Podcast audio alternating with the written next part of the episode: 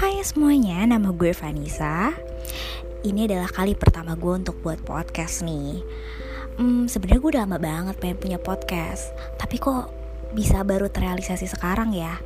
Iya sih, ini cuman iseng-iseng aja. Kira-kira gue bakal cerita apa ya di episode-episode selanjutnya? Boleh ya nanti gue share dan langsung dengerin.